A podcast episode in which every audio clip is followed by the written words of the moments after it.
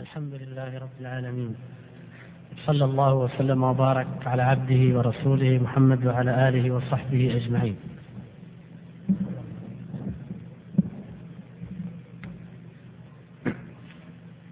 أما بعد فبفضل الله تعالى وتوفيقه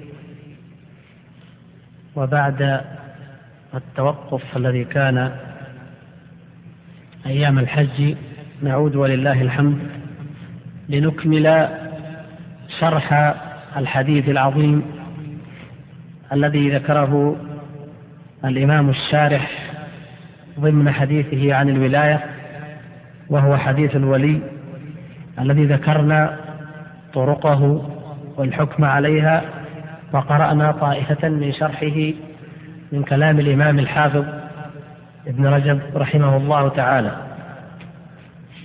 وكان آخر ما وقفنا عنده وما كان يتحدث عنه الحافظ بن حجر رحمه الله من أوصاف الذين يحبهم ويحبونه.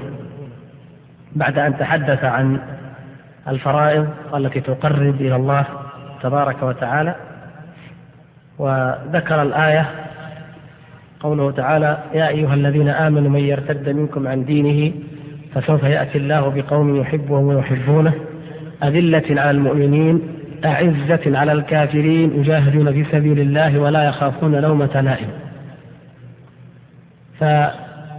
فذكر يقول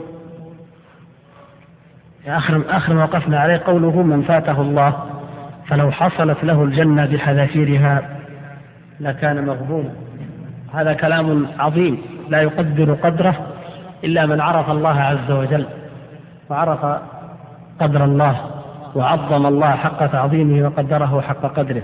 يقول من فاته الله فلو حصلت له الجنة بحذافيرها لكان مغبونا. على فرض أنها الجنة فكيف إذا لم يحصل له إلا نزر حقير يسير من دار كلها لا تعدل جناح بعوضة؟ هذه الدار التي قال فيها النبي صلى الله عليه وسلم لو كانت الدنيا تعدل عند الله جناح بعوضة ما سقى كافرا منها شربة ماء. فكلها لا تعدل جناح بعوضة. ويستمتع فيها الكفار من قديم الزمان إلى نهاية هذه الدنيا.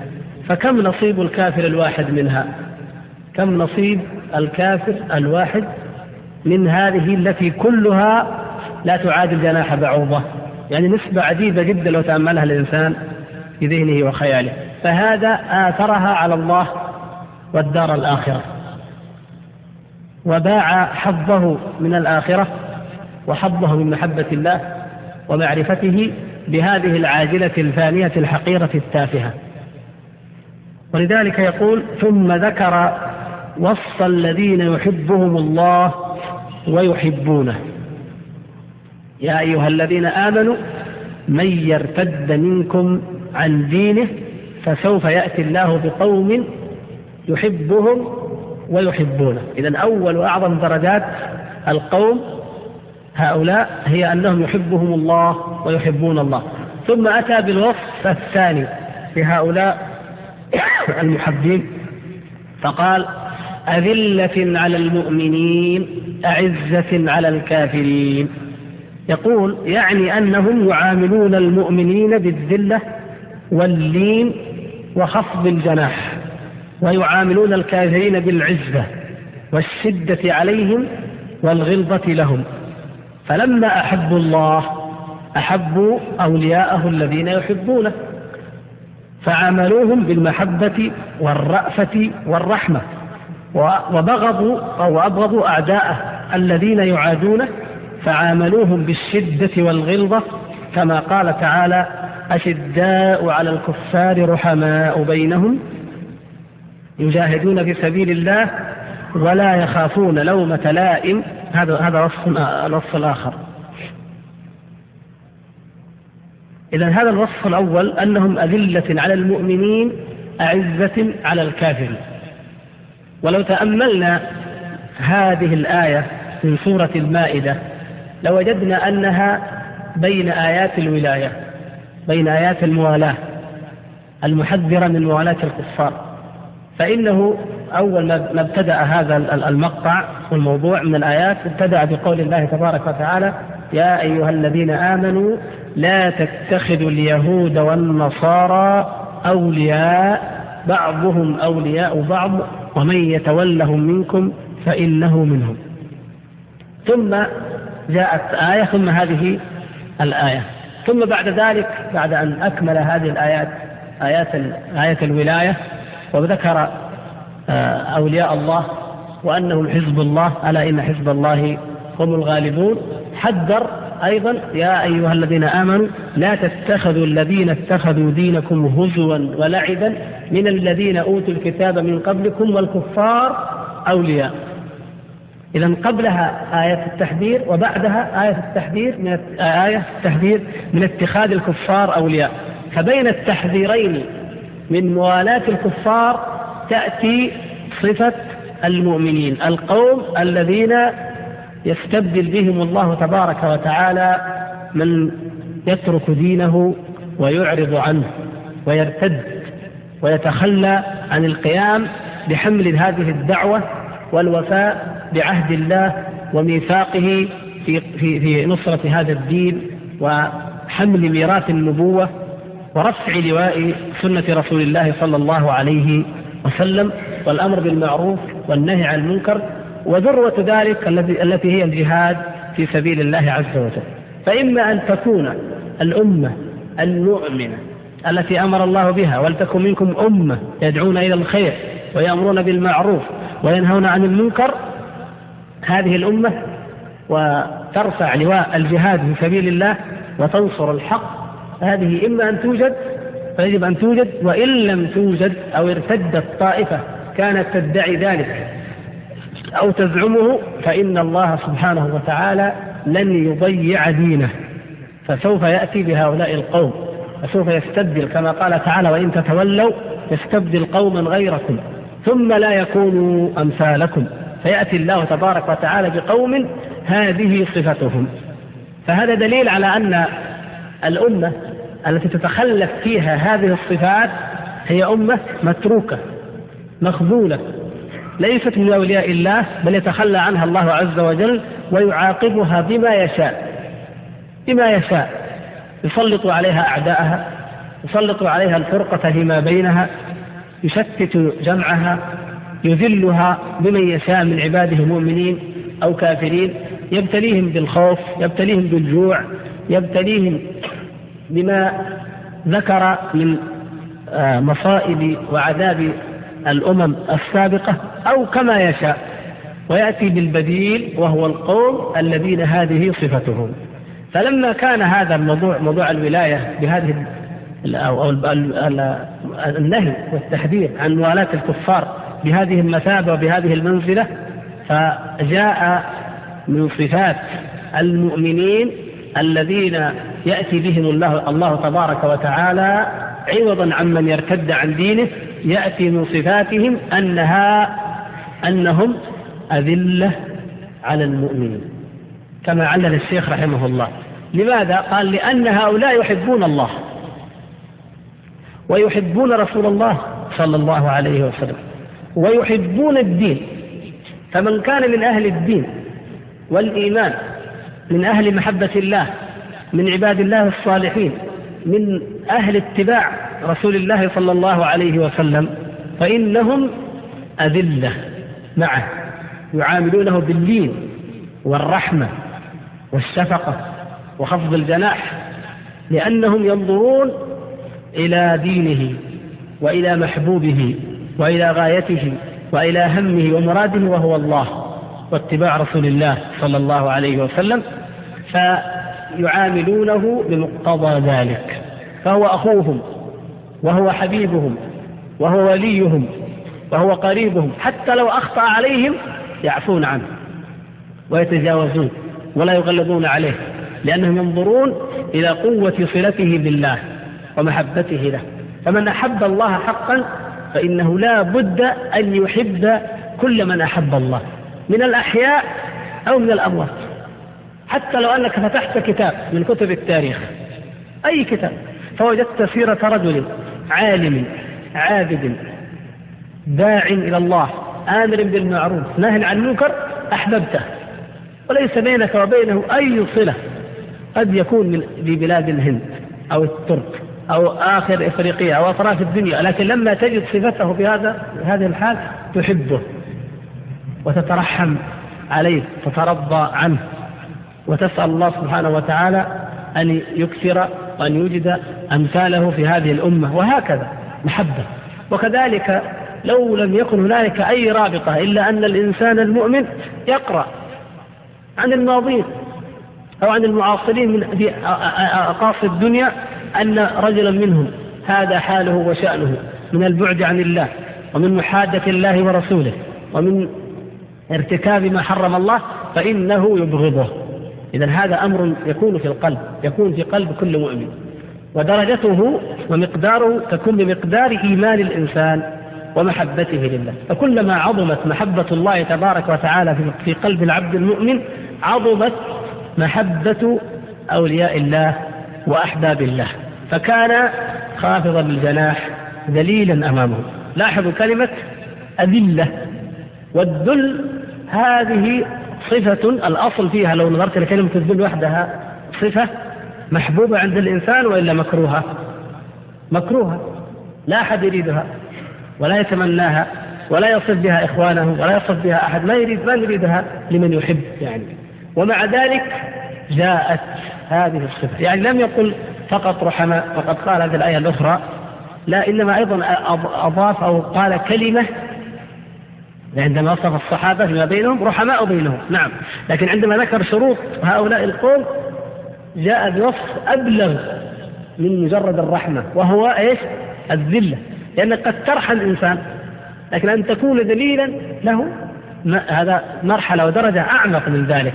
فهذا دليل على أن هذا الشرط مهم ودقيق وضروري ولا بد منه لمن يريد أن يكون من هؤلاء القوم.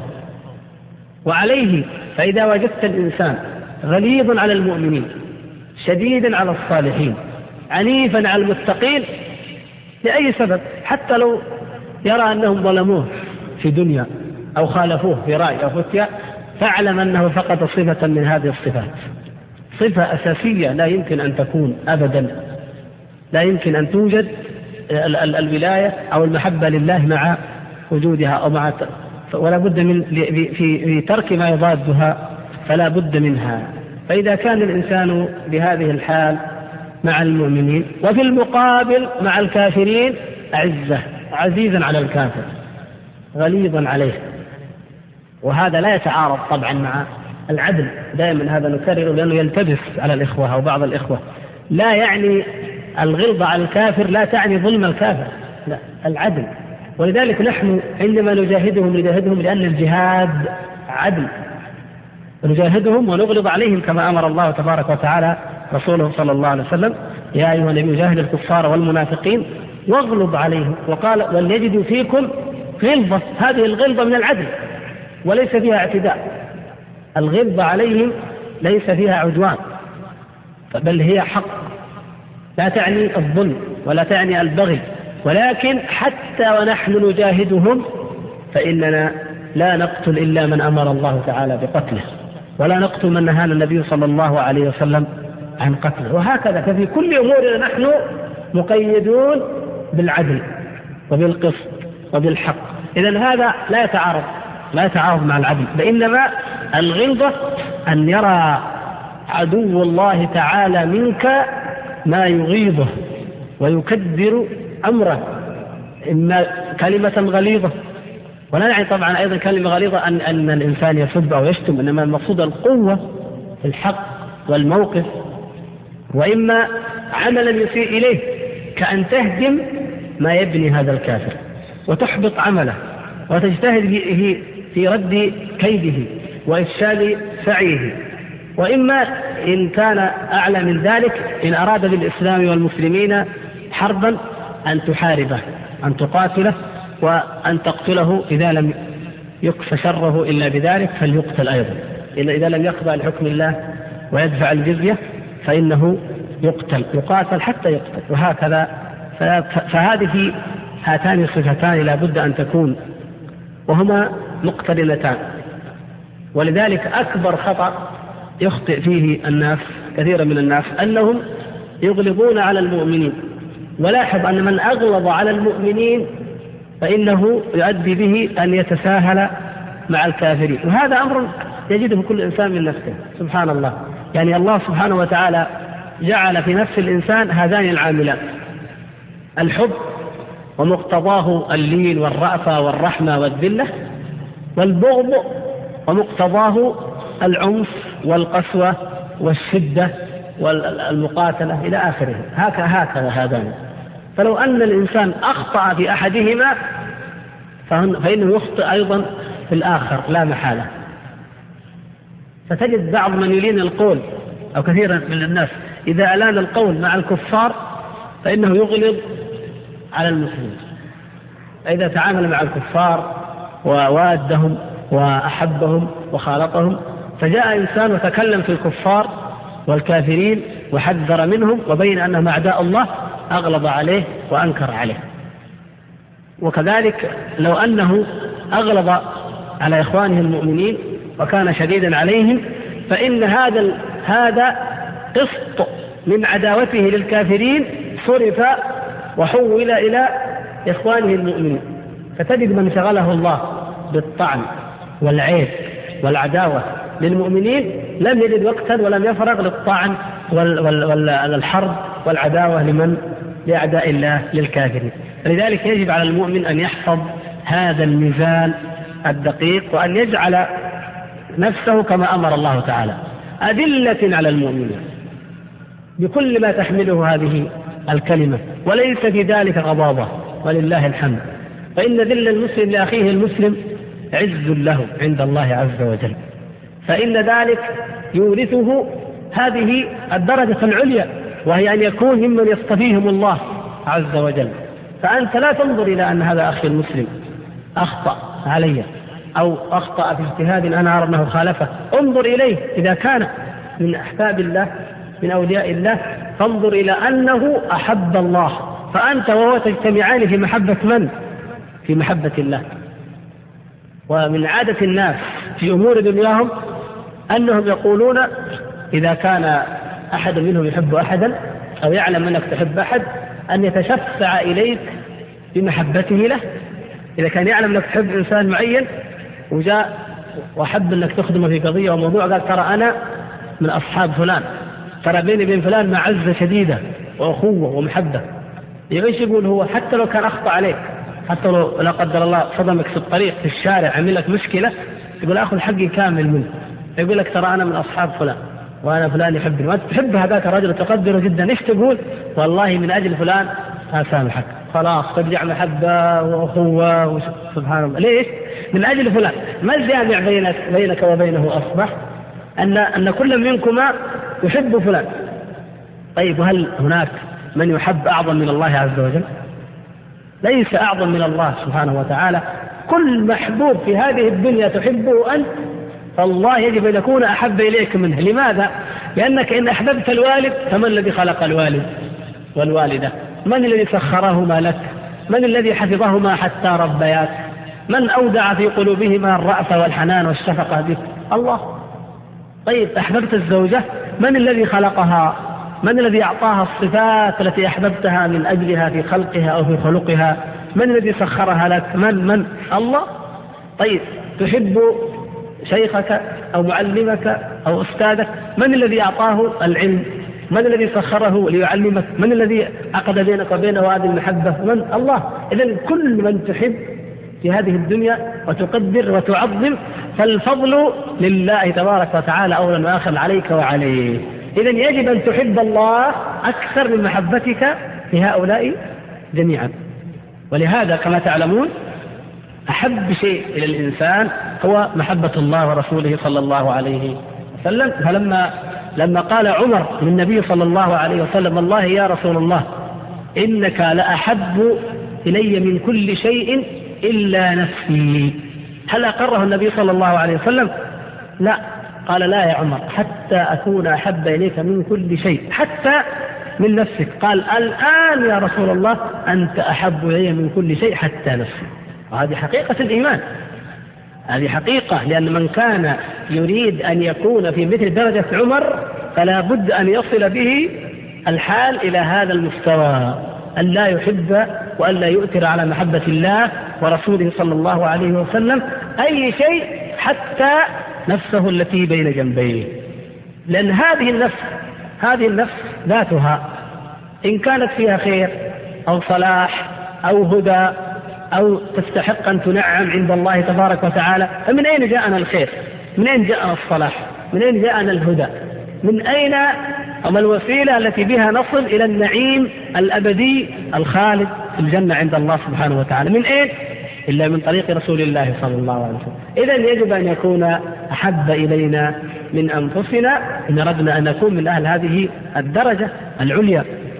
فهكذا محبة الله تبارك وتعالى. إذا والذل للمؤمنين هذه شرط في في حصول ذلك. والغلظة على الكافرين كما ذكر الشيخ رحمه الله تبارك وتعالى. ولذلك عقب على على الغلظة بالجهاد. يجاهدون في سبيل الله ولا يخافون لومة لائم يجاهدون في سبيل الله. يقول فإن من تمام المحبة مجاهدة مجاهدة أعداء المحبوب. من تمام المحبة مجاهدة أعداء المحبوب. إذا كنا نحب الله فكيف نرضى ونسكت عمن يقول إن الله تبارك وتعالى له ولد كما قال ذلك اليهود والنصارى. وكما يكفرون. مثلا عندما يقول يهود يد الله مغلولة غلت أيديهم ولعنوا بما قالوا. عندما يقول اليهود إن الله فقير ونحن أغنياء. عندما يكذبون رسل الله. وعندما يدعي النصارى أن لله ولدا تبارك وتعالى عن ذلك. هذا القول المنكر المفترى العظيم الذي يعني من, من إنكاره تكاد السماوات يتفطرن منه وتنشق الأرض. وتخر الجبال هدا. هكذا يقول النصارى هكذا يقول اليهود.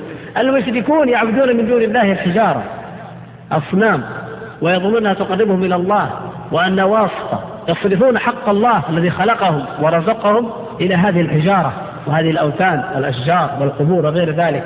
هذا أمر عظيم.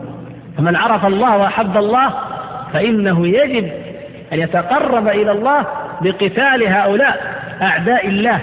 الذين تركوا عبادته والإخلاص له الذي أمرهم به وما أمروا إلا ليعبدوا الله مخلصين له الدين حنفاء ويقيموا الصلاة ويؤتوا الزكاة وذلك بهم قيمة تركوا ذلك وذهبوا إلى عبادة غير الله والافتراء على الله وادعوا لله تبارك وتعالى ما ليس له.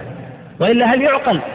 هل يعقل أن أحدا يحب الله بل نقول في ولله المثل الأعلى في حال المخلوق أن تحب أحدا من الناس وتقول أنا أحبه غاية المحبة ثم تحب أو لا تعادي من يفتري عليه أعظم الافتراء ويبهته بأعظم البهتان مستحيل حتى أن الواحد من الناس يقال له ألم يكن فلان حبيبك؟ قال حبيبي أو أخي أو قريبي قال ماذا؟ قال لما رأيته أبغض فلانا وأفترى عليه وكذب وكذا وكذا كرهته إذا ما بيني وبينه أنا شيء. يعني لسان حاله يقول ليس بيني وبينه شيء لكنه أبغض من أحب وكذب على من أحب واتهم من أحب وأبطل حق من أحب محبة عظيمة. فكانت العاقبة أن أقطع ما بيني وبينه. إذا هكذا المؤمنون لو أحبوا الله تبارك وتعالى حق المحبة لعادوا الكافرين أشد العداوة وأحبوا المؤمنين. ومنتهى العداوة أو مقتضى هذه العداوة أن يجاهدوا باليد. بعد المجاهدة بالبيان يجاهدون بالسنان مع إقامة الحجة عليهم بالدعوة والبرهان فإنهم كذلك ينتقل معهم من حال المجادلة إلى حال المجالدة. وهذا لا بد منه لا بد منه. ولذلك يعني تأتي هذه الصفة كأنها صفة إيش؟ لازمة. يعني لو تأملتم الصفات يحبهم ويحبونه. المحبة صفة لازمة ولا عارضة في المؤمن لازم طيب أدلة على المؤمنين أعزة على الكافرين. لازمة ولا عارضة؟ لازمة ثابتة. إذا يجاهدون في سبيل الله لازمة. ليش؟ لأنه مستحيل أن تكون بهذه الدرجة وأن تدعو إلى الله ولا تجاهد في سبيل الله. لا بد من مجاهدة. لا بد لمن لهؤلاء القوم. يعني هؤلاء القوم في مجموعهم. أما الأحاد الحال الأحوال تختلف. لكن في مجموعهم هذه الأمة في مجموعها لا بد لها أن تجاهد. لأنه من سنة الله تبارك وتعالى أنه ما قام أحد بأمر هذا الدين إلا عودي. وهذا ما علمه أو علمه النبي صلى الله عليه وسلم من ورقة بن نوفل. والنبي صلى الله عليه وسلم أول ما نزل عليه الوحي. يعني لم يكن قد قرأ عن أخبار الأنبياء من قبل ولا علم ولا عرف ما ابتلوا به. قال له ورقة لما قال ليتني أكون فيها جزعا إذ يخرجك قومك. لأنه كما تعلمون لما نزل الوحي على رسول الله صلى الله عليه وسلم وذهبت به خديجة رضي الله تعالى عنها كان رجلا كبيرا قد أسن ولهذا قال ثم ما لبث أن فتر الوحي أو انقطع الوحي ومات ورقة. مات. كان كبيرا على آخر عمره. فيقول ليتني أكون فيها جذعا إذ يخرجك قومك. فإذا أنصرك نصرا مؤزرا. يعني يقول عندما عندما يأتي الوقت الذي يخرجك قومك فيه يا ليتني أكون شباب حتى أنصرك. إذا هذا فتعجب النبي صلى الله عليه وسلم. قال أو مخرجيهم؟ لماذا يخرجونني؟ اقرأ. اسم ربك الذي خلق. إيش فيها هذه؟ فيها شيء يقتضي الإخراج أو الأذى؟ إيش فيها؟ فقال ما جاء أحد بمثل ما جئت به إلا عودي. سبحان الله يعني يقول أنا ما أعلم الغيب. أنا ما أكلمك عن الغيب. أنا أكلمك عن إيش؟ عن قاعدة وسنة ماضية في الرسل من قبل. لأنه كان يقرأ أهل الكتاب. ما جاء نبي من أنبياء الله دعا إلى الله إلا وعودي وحورب. وأودي فمنهم من قتل ومنهم من طرد أو, أو, أو, أو أودي أو حبس أو, أو إلى آخر. لا بد من نوع من الأذى والابتلاء يصيب. فلهذا يقول الله تبارك وتعالى لعبده ورسوله محمد صلى الله عليه وسلم ما يقال لك إلا ما قد قيل للرسل من قبلك. ما في جديد ما في جديد. كذلك ما أتى الذين من قبلهم من رسول إلا قالوا شاعر أو مجنون. نفس يعني نفس العبارة أتواصوا به؟ لا. يعني هل كتب قوم نوح وثيقة؟ قالوا يا عاد إن بعث إليكم رسول فقولوا له كما قلنا. لا. هل كتبت عاد وصية إلى ثمود؟ إذا جاءكم إذا بعث فيكم رجل ودعاكم إلى مثل ما دعانا إليه هود فقولوا له كما قلنا. أبدا. ما ما تواصوا. إنما سنة واحدة الطبيان واحد والإعراض واحد والرد واحد لأنه كما قال تعالى وكذلك جعلنا لكل نبي عدوا من المجرمين وكفى بربك هاديا ونصيرا. إذا ما دام الأمر كذلك فكل من تصدى لهذا الدين لا بد أن يجاهد. والطائفة المنصورة الموعودة بنصر الله تبارك وتعالى من صفاتها يجاهدون في سبيل الله يقاتلون في سبيل الله كما في الروايات الصحيحة لا يضرهم من خذلهم ولا من خالفهم. الناس طائفتان. الناس مع الطائفة المنصورة طائفتين أعداء فهؤلاء يقاتلونهم. و يعني الناس طبعا غير من غير الطائفة غير الذين من أتباع الطائفة. أعداء فهؤلاء يخالفون. أو مقرون موافقون لكنهم إيش؟ يخذلونهم. يخذلونهم ما يعاونونهم. هذه هذان هما ليس من الطائفة المنصورة. الطائفة المنصورة تدعو وتأمر وتنهى وتجاهد. فمن خذلهم فليس منهم. ومن قاتلهم فهذا عدوهم مستحيل أن يكون منهم. ولذلك تذكرون العقبات العقبات السبع التي قرأناها من كلام ابن القيم رحمه الله. العقبة السابعة عقبة إيش؟ السماء ابن القيم؟ أيوة يعني هو قال عقبة المراغمة. إيش؟ المراغمة الجهاد يعني لا بد منه. فعندما ذكر العقبات وأن كثير من الناس يتركها مثلا عقبة الشرك الحمد لله كثير من المسلمين ما يشترك الحمد لله. عقبة الكبائر يوجد لله عباد لا يرتكبون الكبائر لكن العقبة التي لا يستطيع أحد أن يتداركها أن يتداركها أو يتجاوزها المراغمة لا بد منها. لا بد أن يسلط الله تبارك وتعالى له أو عليه أو يسخر من يعاديه ومن يؤذيه. ولهذا يذكر نفس ابن القيم رحمه الله عندما ذكر في الفوائد قصة سلمان الفارسي. فلما قال له أبوه إما أن تعود إلى ديننا وإلا فالقيد فقال هذا الجواب هو جواب من؟ جواب الأنبياء. جواب الأمم لأنبيائهم من قديم. قال وهو الجواب الذي وجه به أو خلط به الإمام أحمد عندما رفض القول بين القرآن والمخلوق وهو الجواب الذي قيل لمن؟ لابن تيمية شيخنا شيخ الإسلام رحمه الله يقول وهو الجواب الذي قيل لنا. ما هذا لا بد منه هذا الجواب الأخير إن لم ترجع يعني عما أو, أو لتعودن في ملتنا. إما أن يعودوا في ملتهم وإلا فينالهم من الأذى ما يستطيعون رجما أو طردا أو إخراجا أو أذى كما يستطيعون. وربما وصل الحال كما قد بينا من قبل يعني ما, ما فعله أصحاب الأخدود هذا شيء عجيب. هذه حالة حالة نادرة أن تصل الأمر ويصل الأمر إلى أن يحرق المؤمنون وينتهي الأمر. يجمعون جميعا فيحرقون بالنار وينتهي الأمر ويرجع الملك إلى ملكه وتبقى الأمور مستمرة. سبحان الله. ولكن حكمة الله سبحانه وتعالى لا بد من هذا. كما قال يجاهدون في سبيل الله ولا يخافون لومة لائم. ولاحظ سبحان الله. يعني هذا الكلام ولا يخافون لومة لائم فيه يعني معاني حكيمة عجيبة وكل القرآن فيه ذلك من تدبره وتأمله. لكن قال يحبهم ويحبونه. طيب أذلة على المؤمنين عزة على الكافرين يجاهدون في سبيل الله. كلها صفات نستطيع أن نقول أنها معروفة لا بد منها ضرورية للإنسان المستخلف الذي يريد أن يمكنه الله سبحانه وتعالى وينصر به دينه. ماذا لا بد منها؟ لكن ولا يخافون لومة لائم. كثير من الناس لا يمنعه من قول الحق أو الطريق في سبيل السير في طريق الدعوة والاستمرار فيه إلا لوم اللائمين. لوم اللائمين.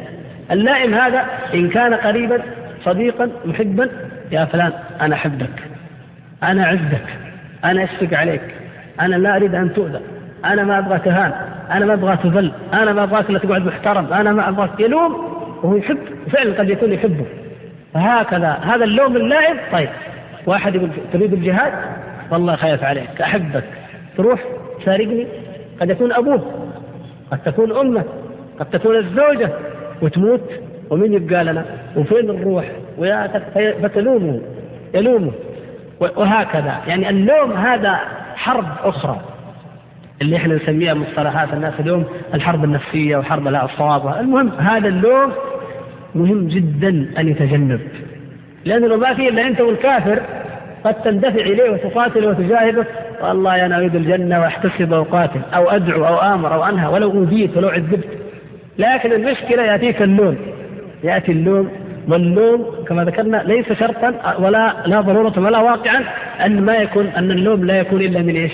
من العدو. بل لا تبالي لا تبالي أنت بلوم العدو. إنما إذا جاءك من إيش؟ من المحب من الموافق وفي صورة الناصح المشفق الحنون الدؤوب عليه على مصلحتك. ولكنك لو أطعته لو نظرت إلى لوم هذا اللائم لتركت أمر الله تبارك وتعالى. وتركت الجهاد في سبيل الله. ونزلت عن الدرجة التي يريدها الله لك. فالله تبارك وتعالى يصطفي هؤلاء الأقوام بدرجة عليا عظيمة. مقام عال مقام الأنبياء. يقفون ويقومون مقام الأنبياء ويرثون ميراث النبوة ويدعون إلى الله. هذه درجة عظيمة. هذا ينزلك عنها. نعم. وما يريد أن يخرجك من الدين. ما يريد أن تترك الحق أو الخير إن شاء الله. لكن ينزلك عن هذا المقام إلى مقام بعيد بالنسبة لهذا.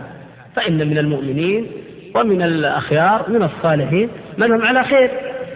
يكونون من أصحاب اليمين ويدخلون الجنة بإذن الله وكذا. لكن ليس هذا هو الغرض الذي أنت تريد ولا هو الشرط أو الصفة التي يريدها الله عز وجل في من؟ هذا حاله في من يريد أن يمكنه وأن يستخلفه وأن ينصر به دينه وأن يظهره. إذا لابد أن ينظر الإنسان دائما أن أن يهتم بإيش؟ بهذا الجانب. أن لا يخاف في الله لومة لائم. لا يخاف أبدا. ما دامت أعماله حقا وبميزان الكتاب والسنة. ولذلك الصحابة رضوان الله تبارك وتعالى عليهم كانوا دائما يعني يتحرون الحق حتى في الأمور المندوبة. في السنن المستحبة ويعلل أحدهم ذلك بأني لا أخاف في الله لومة لا يعني حتى لو كان من من الخيار من خيار الصحابة أو التابعين ولكن قد يلوم بعضهم بعضا في شأن فيقول لا بد أن أفعل ذلك ولا أخشى في الله لومة لائم أقول إذا هذه الجملة من الآية مهم جدا طلبة العلم أن يتدبروها. فيقول ابن رجب رحمه الله فإن من تمام المحبة مجاهدة أعداء المحبوب. وأيضا فالجهاد في سبيل الله دعاء يعني دعوة للمعرضين عن الله إلى الرجوع إليه بالسيف والسنان بعد دعائهم إليه بالحجة والبرهان. فالمحب لله يحب اجتناب الخلق كلهم إلى الله. يعني كما قال بعضهم وددت لو أن جسدي أو لحمي حرض بالمقاريض وأن أحدا لم يعصي الله عز وجل. يعني من غيرته على دين الله وغيرته أن تنتهك حدود الله ومن تعظيمه لله ومحبته لله لا يريد أن أحدا يغضب الله أو يتعدى حدود الله. فيؤثر أن يقرض بالمقاريض ولا يعصى الله عز وجل. أنه يعظم الله ويحب الله تبارك وتعالى. فإذا المحب لله يحب أن يكون الخلق كله كلهم عبيدا لله طاعنا ولا يرضى أن أحدا منهم يعصي الله ويتجاوز حدود الله عز وجل. قال فمن لم يجد فمن لم يجد الدعوة باللين والرفق احتاج بالدعوة إلى الشدة والعنف. عجب ربك من قوم يقادون إلى الجنة بالسلاسل قال ولا يخافون لومة لائم. هذه الصفة يقول ما للمحب غير ما يرضي حبيبه. رضي عليه من رضي وسخط عليه من سخط. من خاف الملامة. هذا يعني ابن رجب رحمه الله يعني كما هي عادة ابن القيم أيضا. هذا أكثر شيء تجده يمكن ابن القيم في هذا. يعني يتكلم بروحانية بشفافية فيأتي بإيش؟ بأساليب وعبارات أدبية ثم يستشهد بالشعر. يمكن هذا كما تقرؤون لهما رضي الله تعالى عنهما. يعني كأنه كأنه لما يتكلم بكلام الفقيه أو المؤصل كذا يعني ما العبارات ما تكفي. فلينتقل إلى واحة الشعر والأدب ويبدأ يعبد هذه التعبيرات الأدبية الجميلة. فيقول ما للمحب غير ما يرضي حبيبه رضا رضي من رضي عليه وسخط من سخط. من خاف الملامة في هوى من يحبه فليس بصادق في المحبة. ثم يأتي بهذه الأبيات. وقف الهوى بي حيث أنت فليس لي متأخر عنكم ولا متقدم. أجد الملامة في هواك لذيذة. حبا لذكرك فليلمني اللوم. يعني هذه الأبيات. التي يقول بعض الناس إنها أبلغ أبيات قالتها العرب في الحب. أبلغ أبيات. طبعا أنتم عارفين يعني عندما يقال أبلغ بيت هذه الأمور ذوقية. قد ترى أنت أن هذا أبلغ وأن هذا أبلغ. لكن يقال يعني في حق هذه الأبيات أو هذه القصيدة أنها أبلغ ما قيل في إيش؟ في المحبة وفي الحب. وقف الهوى بي حيث أنت فليس لي متقدم عنه ولا متأخر. لأنه قال البيت الآخر وأهنتني أو أهنتني فأهنت نفسي جاهدا أين المهان لديك ممن يكرم؟ يعني من أجلك أهنت نفسي. ثم قال أجد الملامة في هواك لذيذة. حبا لذكرك فليلمني اللوم. يعني كل ما يلوموني أفرح. ليش؟ لأنهم يلوموني في ماذا؟ في حبك. إذا هم يذكرونني بك. يعني كما يقول لقد نقل الواشون عنك فقد سرني أني خطرت بذلك ما شاء الله. هذه يقول مدري كثير عزة اللي قالها وال... يعني واحد من شعراء الهوى يقول المهم كل ما يقولون لي عنك أو عنك لا تحبينني تكرهين. أنا أفرح. ليش؟ المهم أني أنا خطرت بذلك شوف كيف؟ وهذا الحب العظيم العميق. ويخطر بال من؟ ومن أجل من؟ وما النتيجة؟ سبحان الله. لكن كيف كيف شعور المؤمن أنه عند الله أنه إذا ذكر الله ذكره الله. أنا أنا عند ظن عبدي بي كما يقول الله عز وجل في حديث القدس وأنا معه حين يذكرني. فإن ذكرني في نفسه ذكرته في نفسي. الله أكبر. جبار السماوات والأرض سبحانه وتعالى. الغني الحميد. إن تكفروا أنتم ومن في الأرض جميعا فإن الله هو الغني الحميد. يا أيها الناس أنتم الفقراء إلى الله. والله هو الغني الحميد. سبحان الله. إذا هو الذي إن ذكرني في نفسه ذكرته في نفسي أي أي حبيب في الدنيا؟ كهذا. وبدون واسطة يعلم أنك ذكرته. وإن ذكرني في ملأ ذكرته في ملأ خير منه. مهما تخيلت من ملأ في الدنيا فالملأ الأعلى المقربون عند الله تبارك وتعالى هم خير من هذا. ولهذا لما قال له النبي صلى الله عليه وسلم للصحابي قال قال يا أو قد سماني قال إيش؟ أو قد سماني يعني إذا الله عز وجل ذكرني باسمي هكذا المحب المحبة الحقيقية. أما أهل الهوى فيقولها في حق إيش؟ المحبوبة. يعني هي العملية واحدة العملية واحدة. لكن هل هي في الباطل محبة باطلة وإلا محبة؟ حق. وإلا في التضحية واحدة والتعلق والتعب والمشقة لابد منها. لابد ولذلك ما تجد أحدا حتى من أكثر الناس تطفلا على الحب كما يسمونه على الغزل إلا يكتب الحب عذاب الحب عذاب على سيارته وعلى أوراقه وعلى كتاباته. طيب ما دام عذاب تتعذب من هذه الشيء إذا أحببت شيئا وتعبت من أجله فليكن يستحق ولا شيء يستحق أن يحب على الحقيقة إلا الله سبحانه وتعالى وما والاه عز وجل. فلهذا يقول العلماء الربانيون ومن يعرفون الله عز وجل أن مثل هذه الأبيات التي تقال في حق المحبوبين غير الله لا يليق أن تقال لله عز وجل. يعني مثل أبو فراس أبيات عظيمة جدا في الحب. أليت الذي بيني وبينك عامر؟ وبيني وبين العالمين خراب. إذا صح منك الود فالكل هين وكل الذي فوق التراب تراب. كلام عظيم جدا. طيب لمن تقول هذا؟ يا أبا شرف قال كتب الرسالة إلى سيف الدولة. سيف الدولة نعم ابن عمه. هو يحبه لكن لو اختلفا عن الملك لتقاتلا. وكم تقاتل من إخوة ومن آباء وأبناء على الملك في الدنيا. إذا ما لا يستحق أحد أن تقول له أو ما يستحق أحد أن يكون الذي بينك وبينه عامل ولو خرب ما بينك وبين العالمين وأن ترى أن تراقب وتراعي رضاه ومحبته ورغبته وما عدا ذلك فكل ما فوق التراب تراب إلا الله عز وجل. فقط. أما ما عداه فلو تدقق تجد أن هذا الكلام هو يقال في على سبيل إيش؟ المبالغة التي لا تصل إلى درجة الحقيقة. لكن بالنسبة لله عز وجل يمكن أن يكون وأن يوجد على الحقيقة. ولذلك هنا مدخل يا إخوان. يعني الصوفية يكثرون من هذه الأشعار ومن هذه الدعاوى ومن هذه والحقيقة أن الصحابة رضي الله تعالى عنهم والتابعين وأولياء الله الصالحين حققوا هذه المحبة على الحقيقة عملا في قلوبهم وأحوالهم.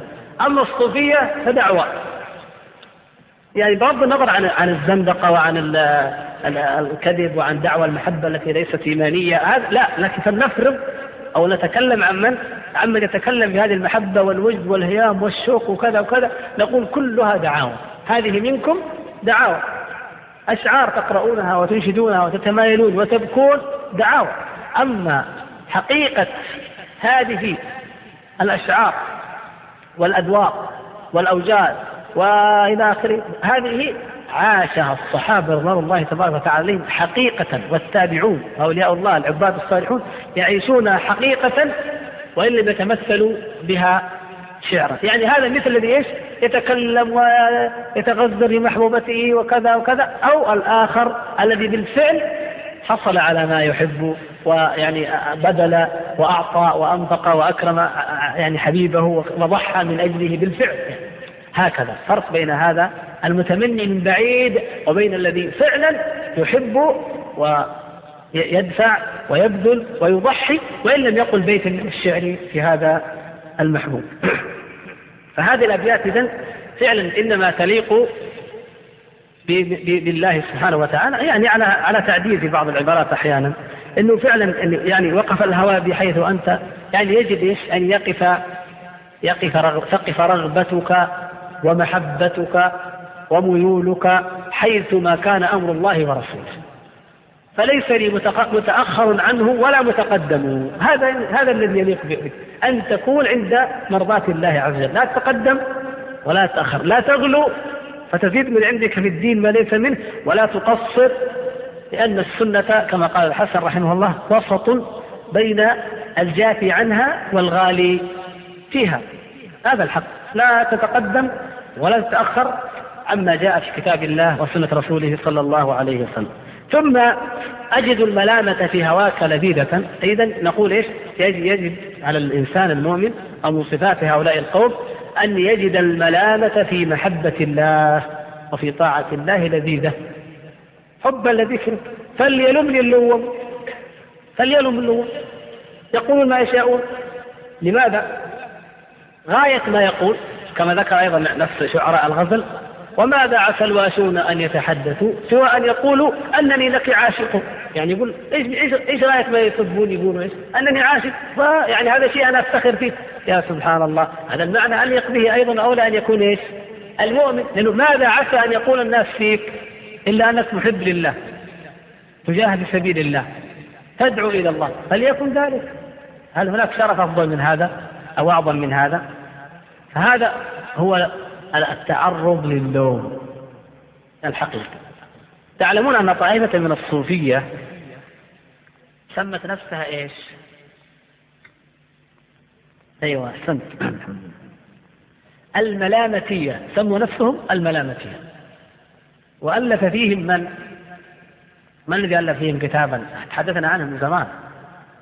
من الذي ألف كتابا في الملامتية؟ نسيتم ولا واحد افتكر؟ لا. من؟ سبلي لا أبو عبد الرحمن السلمي الصوفي المعروف. الكتاب مطبوع إن كان قليل التداول. سماه الملامتية. طيب. هؤلاء الملامتية منطلقهم في العمل أو سموا بذلك ليش؟ يقول افعل أي شيء تلام عليه. احرص أو اجتهد لكي يلومك الناس من أجل العبادة. كما يقول بعضهم اذكر الله حتى يقال مجنون. خلي يلوموك يقولوا مجنون. ووصل بعضهم الحال إلى ما يشبه المجانين. فعلا. حتى أن يعني بعضهم نسأل الله العفو والعافية. يعني غلا في ذلك حتى أصبح إيش؟ يرتكب بعض المحرمات. ويعلم أنها محرمة. حتى يلومه الناس وحتى يسقط من أعينهم. ضلال في فهم اجتناب الرياء واجتناب الغرور أو الاغترار وتعظيم النفس. فقال كثير منهم انظروا كيف يا إخوان العبر العبر الأدواء النفسية صعبة جدا الواحد لا يستطيع يعرفها. فقال إن إن, إن أولياء الله عباد الله من الصوفية إنما هربوا وفروا عن القضاء وعن العلم وعن مجالس الفتيا وعن التبحر في المسائل وعن التقرب إلى السلاطين وعن هذه الأمور. إنما فعلوا ذلك ليش؟ حتى يجتنبوا الناس ويجتنبوا الدنيا ويجتنبوا الاغترار والعجب فلبسوا الثياب المرقعة وأخذوا يأكلون مما يعطيهم الناس ومن أبسط العيش. وعاشوا بعيدين عن الناس فسلموا من هذا. ولكن تدرج الحال. فأصبح الناس لا يعظمون القاضي لكونه قاضيا أو الفقيه لكونه فقيها. إنما يعظمون من يسمونه إيش؟ أولياء لله.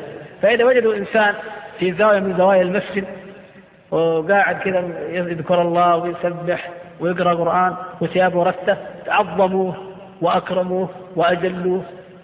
وقالوا اجعل لنا وتمسحوا فيه ونتبرك به وأينما راح يتبعونه. أيوة. فقالوا إذا ما دام الأمر كذلك إيش الحل؟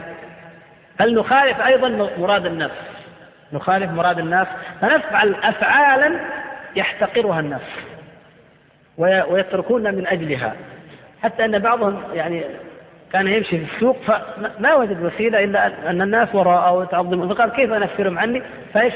سرق جوزا أو هكذا سرق من السوق سرق وأخذ يأكلها كذا. الناس قالوا هذا ولي أعوذ بالله. تركوا فرقوا عنه. فيقولون الملامتية هذا المنهج الضال يعني يعالجون الضلال بالضلال والخطأ بالخطأ. يقولون يجب على الإنسان أن يتعرض لما يلام عليه. يعمل أعمال يلام عليها فيسلم من العجب والرياء والغرور وما إلى ذلك.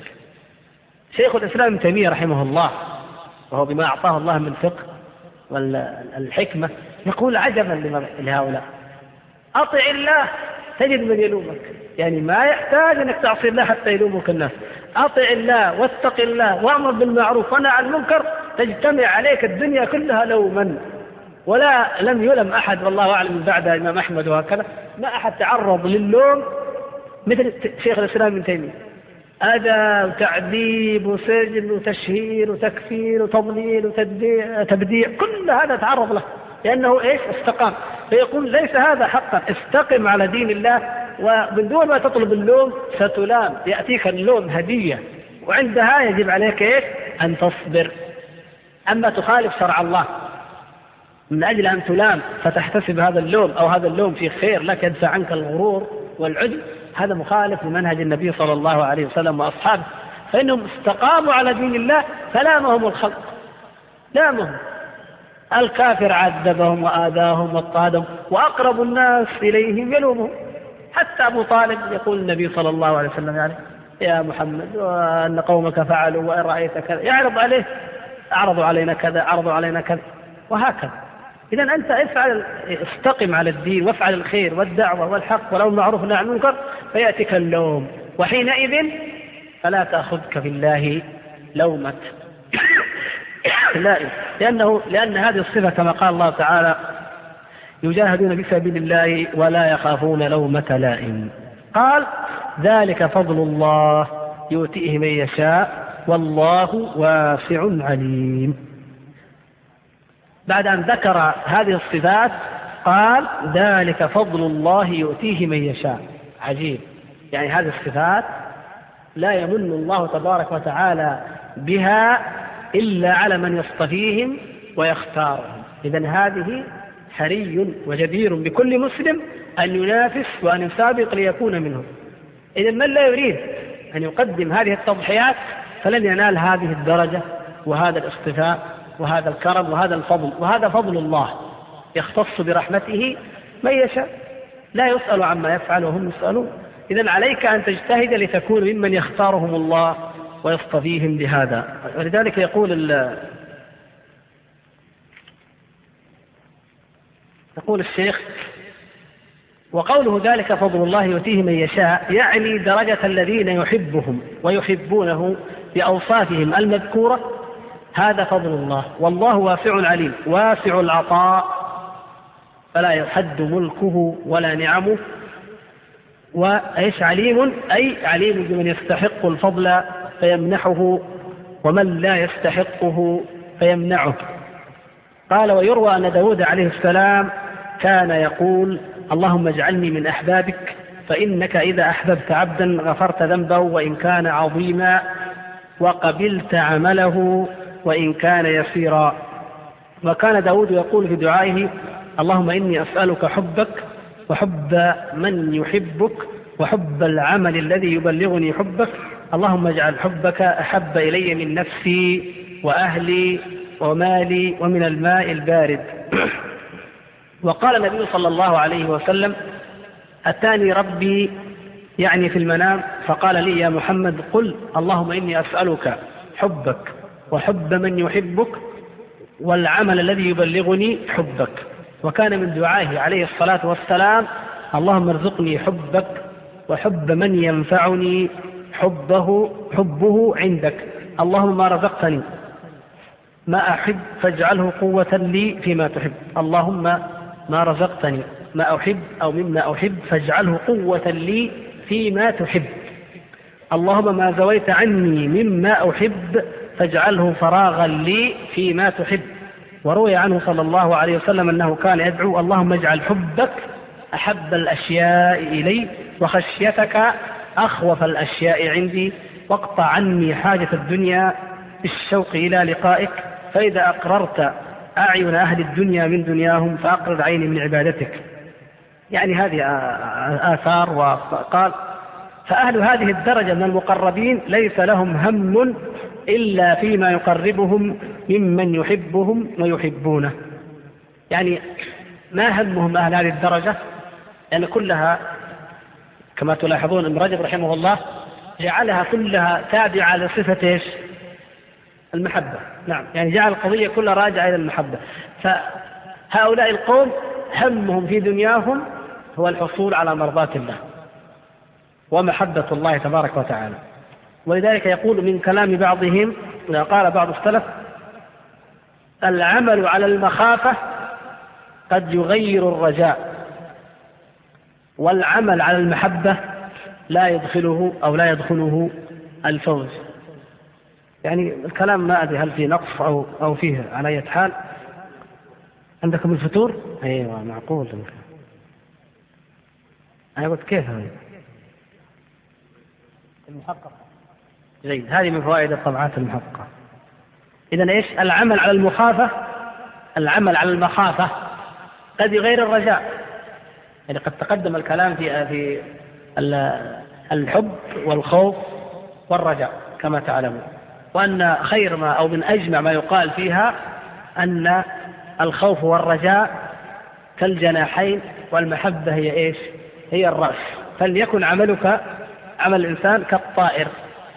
الرأس هو الموجه وهو الأساس والخوف والرجاء جناحان لا يميل أحدهما لو لو لو طار بجناح واحد لا فقط لا يميل أحد عن آخر يعني. فإذا العمل على المخافة لو كان الإنسان ما يعمل إلا فقط بجانب الخوف قد يغير الرجاء قد يضعف الرجاء. وإضعاف الرجاء لا ينبغي لأنه كما قال النبي صلى الله عليه وسلم لا يموتن أحدكم إلا وهو يحسن الظن بربه ويرجو رحمة الله. قال والعمل على المحبة لا يدخله الفتور. هذا حق. أي شيء تعمل وأنت تحب ما يدخل الفتور.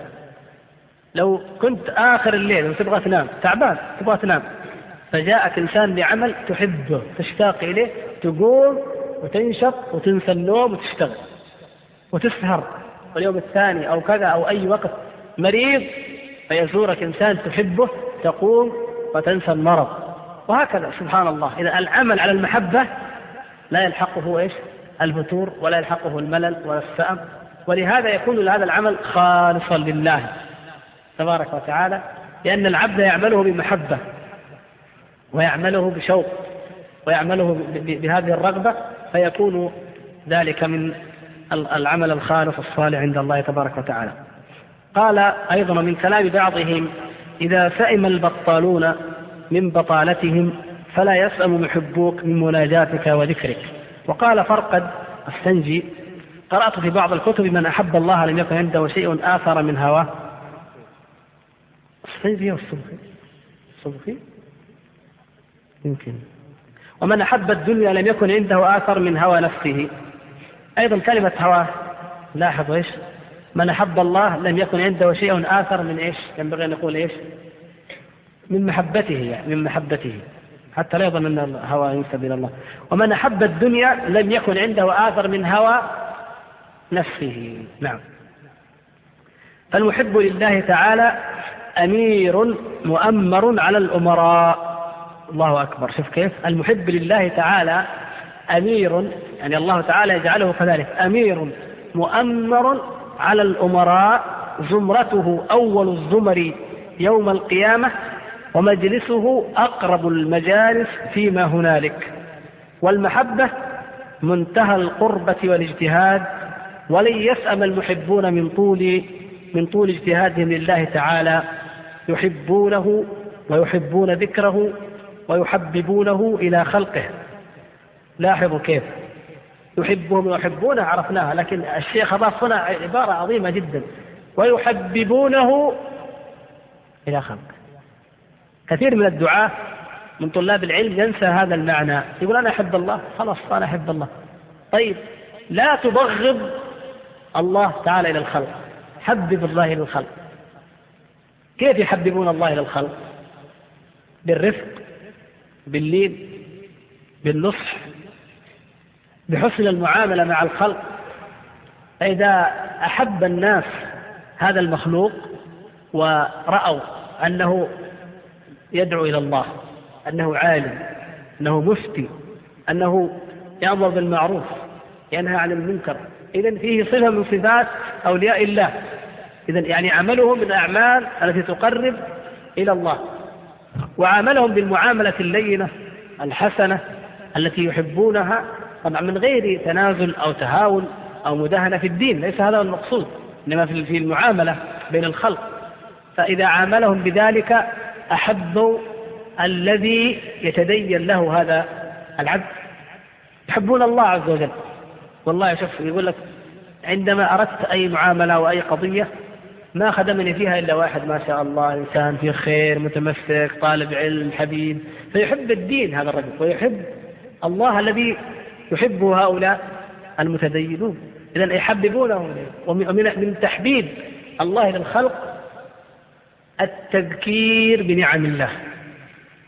ولهذا نوصي إخواننا في خطب الجمعة وفي المواعظ من من حكمها الحكمة فيها أن تكون من موضوعاتها أو مما تستفتح به موعظتك التحبيب تحبيب الخلق إلى الله وبيان إيش؟ نعم الله. ذكرهم بنعم الله عليهم. إذا ذكرتم بنعم الله عليهم أحبوا الله واستشعروا التقصير والتفريط وأنه لا يليق بالإنسان أن يقابل هذه النعم بتلك المعاصي والذنوب مع التخويف أيضا والوعيد لكن هذا جانب قد يغفل عنه لأن كثير من الوعاظ يقول مثلا هذا حرام والله تعالى توعد عليه بكذا وهذا حرام ومن فعله فقد توعده بكذا وهذا حق لكن ينسى الجانب الآخر وهو أن تذكر الناس بالنعم فإن الناس سبحان الله يعني كما قال النبي صلى الله عليه وسلم فطروا أو جبلت أن النفوس على حب من أحسن إليها وبغض من أساء إليها. إذا أن تعلم الناس أن الله تعالى أحسن إليك محسن إليك بنعم عظيمة جدا. فإذا عرفها إذا عرف ذلك أحب الله.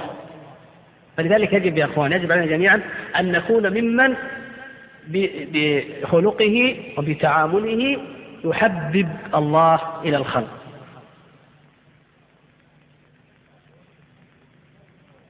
يقول يمشون بين عباده بالنصائح. ويخافون عليهم من أعمالهم يوم القيامة يوم تبدو الفضائح. يعني عملهم في الأمة هو إيش؟ النصح. وأنا لكم ناصح. أمين. وأنصح لكم. يا قوم اتبعوا المرسلين اتبعوا من لا يسألكم أجرا. وهم مهتدون. ما يريد شيء. ما أسألكم عليه من أجر. ما سألتكم من أجر فهو لكم. لا أسألكم عليه مالا. هكذا قال رسول الله الكرام. أنهم هم ومن يتبعهم لا يريدون من الخلق مالا ولا دنيا ولا مناصب ولا جاه ولا شيء إنما نصح منهم إشفاق منهم محبة حرص أن يكون هؤلاء الناس على طريق الخير الذي يؤدي بهم إلى سعادة الدارين والفوز والفلاح في الدنيا والآخرة.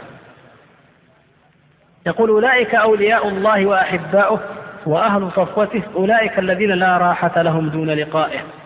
لا راحة لهم دون لقائه.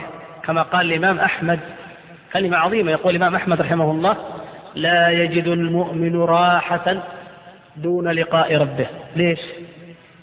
يرتاح من إيش؟ إيش الشيء اللي يمكن ترتاح منه قبل أن تلقى الله؟ ما يمكن. أما ما أمرك الله تعالى به فهو شاق. أمرك بقول الحق وقد يكون هذا مرا وصعبا وعظيما على الناس. أمرك بايش بالجهاد وهذا شاق عليك ومجهد لك. أمرك بالصلاة تقوم لصلاة الفجر وإن كنت تؤثر النوم والفراش الوثير والدفء تقوم للصلاة. تلبي داعي الله سبحانه وتعالى. تنفق من مالك الزكاة الواجبة أو أو الواجبات غير الزكاة أو من من الصدقات والمال أحب إليك. وهكذا تقاطع ابنك أو أخاك أو قريبك لأنه أعرض عن طاعة الله مثلا. وهكذا يعني فما في راحة هنا. ثم أيضا أعداء الله لا يتركونك. وأعداء الدعوة أعداء الحق لا يتركونك ما دمت حيا. إذا متى ترتاح؟ لا يجد المؤمن الراحة الحقيقية. إلا إذا تنزلت عليهم الملائكة ألا تخافوا ولا تحزنوا وأبشروا بالجنة التي كنتم توعدون. هذا فقط. يعني دون لقاء الله ما في راحة. لا يستطيع الإنسان أن يرتاح. حتى لو سلم من كل شيء فرضا فإنه لا يضمن لنفسه إيش؟ حسن الخاتمة. فهو ما هو مرتاح. لماذا؟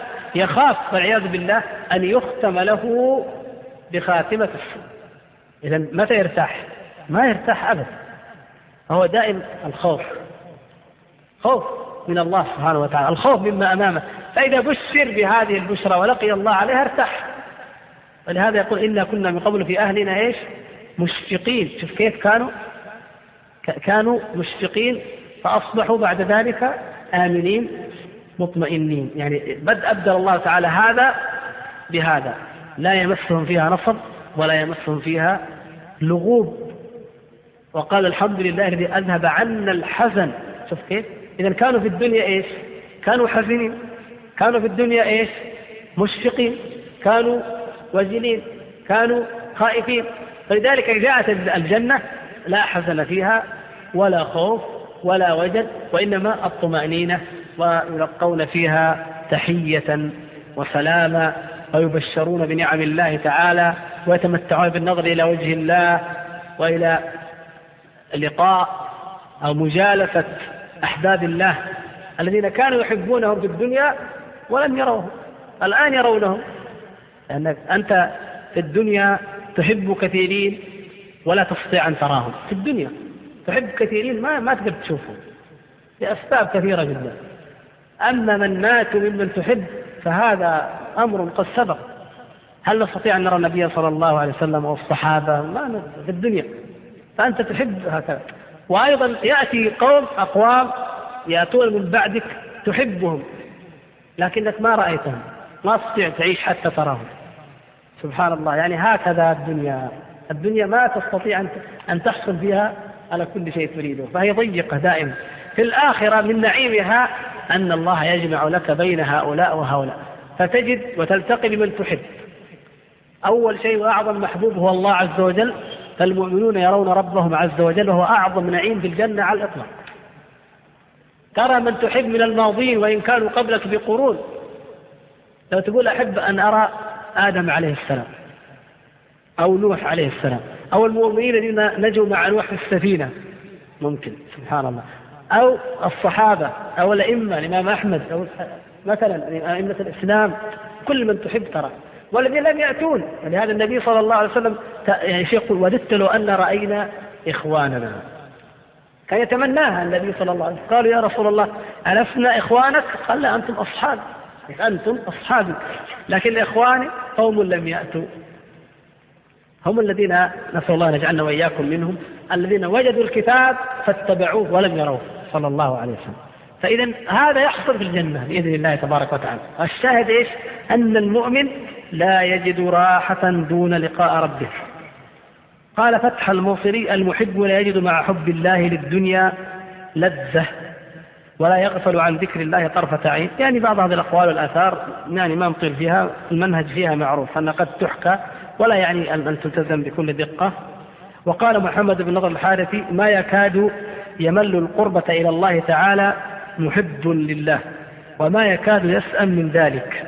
لا شك أن من أحب الله تعالى حق المحبة فإنه لا يمل القربة إلى الله ولا يسأم. يعني لا يكاد يسأم. لكن النفس البشرية من طبيعتها أنها تمل وتسأم. ولهذا ينبغي للمؤمن أن ينوع في العبادة.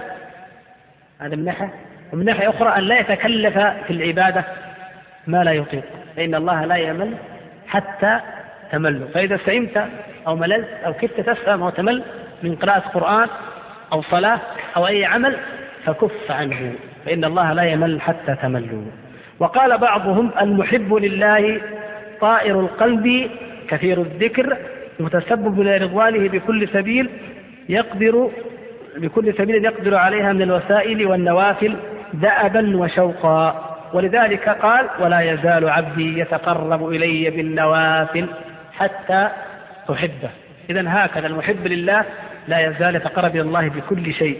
وأنشد بعضهم وكن لربك ذا حب لتخدمه إن المحبين للأحباب خدام وهذا أيضا مما يعني ينبه عليه إطلاق الخدمة على إيش؟ العبادة قد تجد أحيانا في كلام بعض العلماء وأكثر من يستخدم ذلك الصوفية فالعبادة أجل من إيش؟ من الخدمة نعم والمعنى في حق الله تبارك وتعالى لا نستخدم من الألفاظ الشرعية فنقول عبادته ولا نقول خدمته. وأنشد آخر ما للمحب سوى إرادة حبه. إن المحب بكل حال يصرع. هذا أيضا يؤكد ذلك. فهذا كله في محبة الله تبارك وتعالى. ثم قال ومن أعظم ما يتقرب به العبد إلى الله تعالى من النوافل كثرة تلاوة القرآن وسماعه بتفكر بتفكر وتدبر وتفهم إذا هذا أمر عظيم جدا لأننا الكلام عن إيش؟ عن كيف كيف تنال ولاية الله تبارك وتعالى وكيف تنال محبة الله عز وجل وكيف يتقرب إلى الله فالتقرب إلى الله بالصلاة وهذا قد سبق في قوله رحمه الله إيش؟ وأعظم فرائض البدن التي تقرب إليه الصلاة. إذا إيش؟ أعظم الفرائض البدنية للتقرب إلى الله هي الصلاة. طيب وأعظم النوافل قراءة القرآن. أيوة وهذا من فقه الإمام ابن رجب رحمه الله. من فقهه جعل أعظم النوافل الفرائض إيش؟ الصلاة وأعظم النوافل قراءة القرآن. طبعا غير القرآن الواجب يعني المقصود النوافل. يقول قال خباب أردت لرجل تقرب إلى الله تعالى ما استطعت واعلم أنك لن تتقرب إليه بشيء هو أحب إليه من كلامه وفي الترمذي عن أبي أمامة مرفوعا يعني النبي صلى الله عليه وسلم قال ما تقرب العبد إلى الله تعالى بمثل ما خرج منه. يعني القرآن يقول لا شيء عند المحبين أحلى من كلام محبوبه إذا رجعنا للقاعدة أيضا قاعدة إيش؟ المحبة الدنيوية. كل من تحب تحب كلامه وتحب تقرأ له تحب رسائله تحب أن يخاطبك أو تقرأ كلامه مكتوبا أو كذا. إذا هذه حقيقة نفسية. الواجب إذا أن يكون أحب شيء إلى العبد ويعني يشغل وقته به بل يتغنى به في المعنيين. يتغنى يعني يغتني به عما سواه أو يتغنى يعني كما أن أهل الدنيا تعجبهم الأشعار فيتغنون بها ويترنمون بها ويتذكرونها أن يتغنى العبد يعني بمعنى يكون على لسانه ويعني يقرأه ويتلوه ويتلذذ به القرآن الآيات من كتاب الله تبارك وتعالى. لا شيء عند المحبين أحلى من كلام محبوبهم فهو لذة قلوبهم وغاية مطلوبهم. قال عثمان رضي الله تعالى عنه لو طهرت قلوبكم ما شبعتم من كلام ربكم. سبحان الله. هذا معيار عجيب. اختبر به قلبك وقلوب الناس.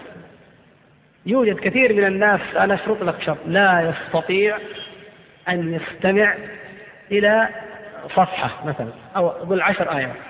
لو تقول له اجلس نفتح القرآن عشر آيات ما يطيق أبدا. إما يقفله يقفل مثلا ذا ولا يقاطعك ولا يقول لك هذا ولا ماني فاضي. ما عشر آيات ما يستطيع يتحملها والعياذ بالله. لماذا؟ هذا الذي قلبه مطموس والعياذ بالله. ران كلا بل ران على قلوبهم ما كانوا ران مطبوع عليه مختوم عليه أغلب. هذا لا يعني يعني لا لا ينفذ إليه شيء من الحق نعوذ بالله. فهؤلاء موجودون والعياذ بالله واختبر اختبر حال هؤلاء لتجد ذلك. ومن أعظم ما يجعل العبد كذلك أن يدمن سماع الأغاني والأشعار الخالية عن ذكر الله.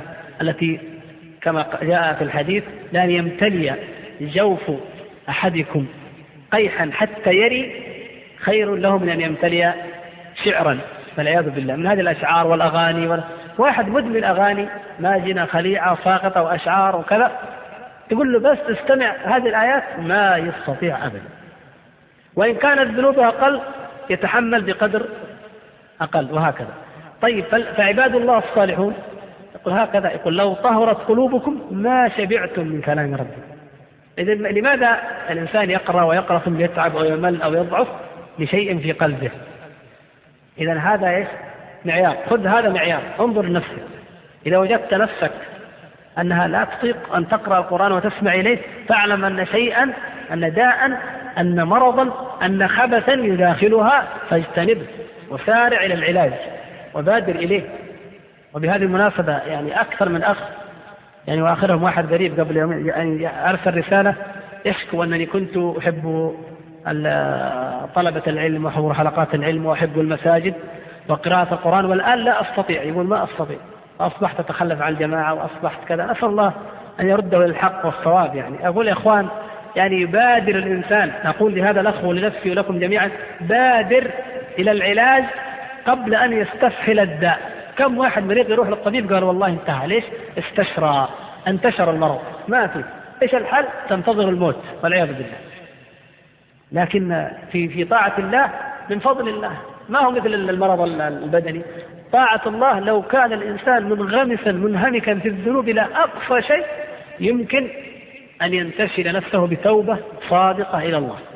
إذا أنت دارك نفسك قبل أن تحاول فيها أن تتوب فلا تقبل ذلك عياذا بالله. وقال ابن مسعود من أحب القرآن أحب الله ورسوله. وقال بعض العارفين لمريد هذا يعني بعض العلماء مثلا قال لأحد طلابه أتحفظ القرآن؟ قال لا. قال واغوتاه يا لله لمريد لا يحفظ القرآن فبما يتنعم فبما يترنم فبما يناجي ربه تبارك وتعالى. وهذه بل نفرض انه من الصوفية ايا كان المهم ال ال ال ال هذا القول صحيح. يقول أنا أنت أنا أريد أن أسلك مثلا معك طريق الله وأتعلم وأتأدب. فقال تحفظ القرآن؟ قال لا. طيب. قال له كيف تريد أن تكون؟ اذا بما تتنعم وبما تترنم وبما تناجي الله. ولذلك من أكبر الأخطاء التي ارتكبها الصوفية وغيرهم ممن لا يدري عنهم.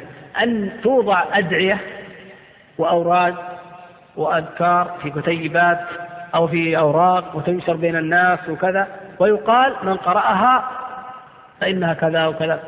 مما لا أصل له في الدين فاشتغل الناس بها عن إيش؟ عن القرآن. حتى وصل الأمر لبعضهم إلى الكفر والعياذ بالله والعياذ بالله. يعني إذا كان مثلا التجارية يقولون من إن من قرأ صلاة الفاتح خير من يقرأ القرآن ستة آلاف مرة. هذا كفر لا شك فيه. لكن انظروا كيف طيب ما وجدت شيء تجعله خيرا منها يعني قراءتها خيرا منه. إلى القرآن. ليش ما تقول من قرأها؟ فرضا ما دام إنه هي كذب كذب لكن اكذب كذبة يعني على الاقل والعياذ بالله. يعني يقول مثلا من قرأها خير له من أن يفعل كذا يتصدق مثلا بألف دينار. يعني مثلا. لكن تقول خير من أن يقرأ القرآن. هذا يعقل هذا. أنك مهما ابتدعت أو يعني اخترعت واختلقت كلها ضلالة بدعة. من من أذكار هل يمكن أن تكون أفضل من القرآن؟ تأتي بشيء أفضل من القرآن؟ طبعا كثير منهم لا يصل هذه الدرجة من الكفر والعياذ بالله. لكن واقع الحال عندهم يأتي بهذه أدعية وأوراد اقرأها في الصباح. أحراز منها الجوشن الكبير. دائما موزع في الأسواق وعند الناس. حرز الجوشن الكبير والجوشن الصغير والحصن الحصين ما أدري إيش الحصون المنيعه وهذه العهود السبعة وهذه ما أدري إيش وأشياء كثيرة منها ما لا أصل له. ومنها ما له لبعضه أصل لكن ليس بهذه الكيفية وبهذه الهيئة. ومنها ما يكون جملة من الآيات اختار هذا اخفها لكن ما ورد الشرع بتحديد هذه الآيات. فيشتغل بهذه الآيات عن بقية القرآن أو عما فضله الله على الحقيقة يكون هذا فضل شيئا على يعني هو نعم من القرآن لكن هل يستطيع أحد أن يفضل شيئا من القرآن على شيء من غير الشرع؟ الله تعالى هو الذي أخبرنا أن آية الكرسي أفضل الآيات أن نقول هو الله أحد مثلا كذا. أن الفاتحة أفضل السور. إذا نحن حتى في هذه نتبع ولا نبتدع ولكن أن نقرأ القرآن ونتنعم ونتلذذ به كله. فقول من أكثر ما يحول بين الناس وبين الخير هو هذان والعياذ بالله. إما صاحب فجور وشهوة فحال بين الناس وبين القرآن بالغناء والمزامير والموسيقى والأشعار والقصص وما لا خير فيه. كما تشاهدون آخر الليل. الإذاعات آخر الليل وإذا قرب الثلث الأخير كل اللي فيها الغزل والأشعار والهوى والحب. سبحان الله. حتى لأن قلوب الناس رقيقة ترق في تلك الساعات فعلا ترق فهم جاءوا إليها يرققونها بشيء رقيق لكن شهوة وفتنة هذا الجانب الأول. الجانب الثاني الذي يأتي بماذا؟ بيسد الحاجة لكن بغير الحق. واحد جيعان جيعان فعلا. هذاك أحرم الأكل ترك جائع صاحب الشهوة تركه جائعا. طيب صاحب الشبهة ما تركه جائعا لكن أطعمه نشارة خشب مثلا. ألا أعطاه أي شيء لا يغذي أطعمه ما لا يغذي أعطاه ما لا يسمن ولا يشبع. فهؤلاء الذين وجدوا الناس محتاجين إلى الذكر ويريدون المناجاة فأعطوهم هذه الأوراد البدعية والأذكار غير المشروعة. وقالوا لهم اقرأوها في الصباح اقرأوها في المساء اقرأها إذا قمت في الليل اقرأها قبل ما تنام إلى آخره. فيعني غذوا أو أطعموهم ما لا يغذي. والحق هو أن تكون القلوب أن يكون غذاؤها وأن تكون تنعمها وأن يكون ترنمها وحياتها وروحها وريحانها وشفاؤها بقراءة كلام الله عز وجل. ولو قل التعبد بشيء من الحق من الخير. لو, ما لو لم يقم العبد إلا بعشر آيات لو لم يقرأ إلا قل هو الله أحد. لو لم يقرأ إلا آية الكرسي فهذا خير لكن كلما أكثر فهو خير له. ولهذا جعلها الشيخ من إيش؟ أعظم أو رأس النوافل قراءة القرآن. نسأل الله سبحانه وتعالى أن يجعلني وإياكم ممن يتلونه حق تلاوته ويتلذون بذكر الله تبارك وتعالى به وبمناجاته بقراءته إنه سميع مجيب. ونكمل إن شاء الله تعالى في الأسبوع القادم العمل الآخر وهو إيش؟ ذكر الله عز وجل. نسأل الله يجعلني وإياكم من الذاكرين. الله كثيرا. إنه سميع مجيب. والحمد لله رب العالمين.